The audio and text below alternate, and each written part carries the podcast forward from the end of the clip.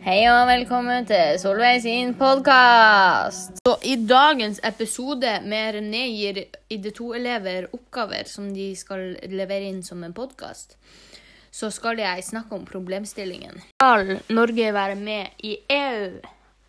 Og dette er jo egentlig en ganske så interessant problemstilling.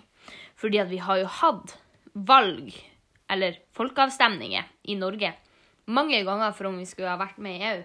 Men det har jo alltid fått et negativt utslag fordi at folket ikke vil det. Men regjeringa vil det. Og det må det jo være en grunn for. Så nå skal jeg fortelle deg litt om hva EU er, og hva slags organisasjon det kan være, som vi ikke har lyst til å være en del av. Så etter andre verdenskrig så ville jo nesten ingen i Europa ha en ny krig. Så da tok landslederne og landene og samla erfaringene sine opp mot et mål. Og det var at landene i Europa skulle skape en økonomisk avhengighet til hverandre for å unngå konflikter som kunne føre til en ny verdenskrig eller flere konflikter eller kriger.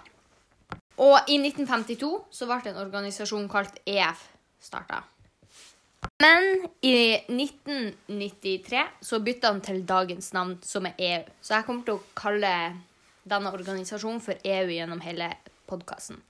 Og EU står da for Den europeiske union. Den europeiske union har jo et mål, som jeg sa i stad. Men for å oppnå dette målet, så har de satt opp en ting som heter fire enheter. Og det vil si at det skal være fri, fri flyt av varer, det skal være fri flyt av personer og fri flyt av tjenester. Og fri flyt av kapital. Så man skal kunne sende varer hvor som helst og da vil det jo si at de varer vil bli produsert der det er billigst. Og personer skal få fri flyt, så du kan studere og jobbe der du vil. Og jobbing går litt på det med tjenester. Og kapitalet går på leilighet og hus og ja, sånn der type ting. Så alle landene i EU, som til sammen er 27 land nå i dag, i 2021, eh, kan da de får da oppfylle de her 24 enhetene. Fire enheter, mente jeg.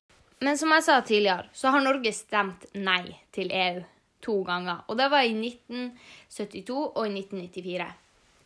Men i 1994 så ble det danna en organisasjon, en hjelpeorganisasjon som heter EØS, som Norge ble med i 1945.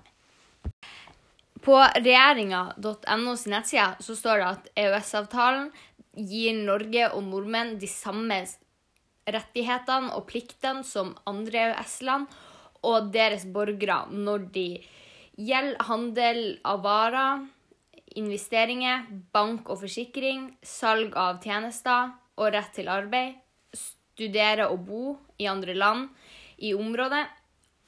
Så dette er jo bra. Vi får jobbe, vi får studere. Fri flyt, sånn som i alle EØS-land, som da også vil si EU-landene.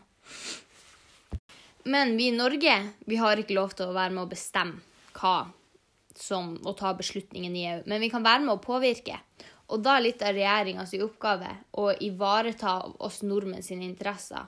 Og da spesielt også innen, innen fiske og handel, som jeg skal prate litt mer og argumentere for og imot nå straks.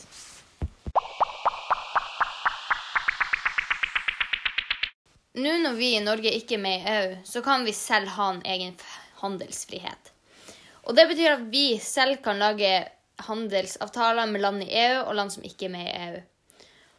Og da, spesielt med fiske og landbruk, så får vi selv bestemme prisene. Og det er ikke sånn at der det er billigst, spesielt mest, fordi at vi kan fortsatt importere til andre land. Eh, så da, da tjener bøndene mer, og da tjener også staten mer med moms og skatt. Så der sparer vi jo også penger. For det er også medlemskap i EU det er veldig dyrt. Fordi at vi i Norge vi er et ganske rikt land. Og det vil da si at vi må bistå masse penger til de EU-landene som ikke har så mye som oss. For at vi skal ha en viss balanse i landet. For at også den valutaen euro skal være verdt like mye. Og da vil mest sannsynligvis Norge bli et fattigere land. Og også om vi blir med i EU, så får vi ikke bevart våre egne lover eller bestemme like mye selv. Fordi da må vi høre på de andre EU-landene og styres etter dem. Selv om vi på en måte gjør det og ikke får påvirke så mye selv nå i EØS.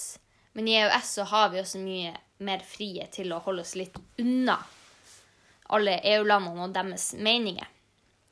Men samtidig, Norge er jo Europa, og vi er alle europeere. Vi har en ganske europeisk kultur, selv om vi er jo norsk.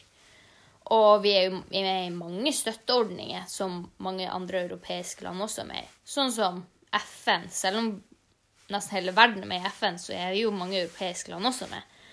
Og Nato og mange av støtteordningene til EU i tillegg.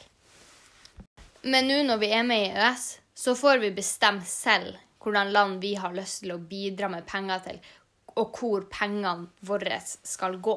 Selv om vi betaler mye til EØS, så har vi fortsatt mye mer penger vi kan bruke selv på det vi vil, og ikke la andre land bestemme og ta beslutningen for oss.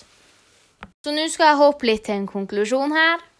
Og konklusjonen min er, er det at vi kan fortsatt være med i EØS, selv om vi betaler mye penger og ikke får lov til å være med så mye og bestemme på reglene i EU.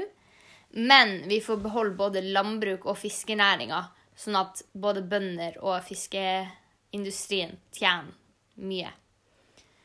Så jeg mener ikke at Norge skal bli medlem av EU, men vi kan fortsatt være medlem i EØS fordi vi er europeere, og det er fint å ha et visst samarbeid med dem man bor i samme kontinent som, da. Spør du meg. Så takk for at du hørte på Solveig sin podkast. Og um, ja, ser fram til tilbakemelding. Ha det bra.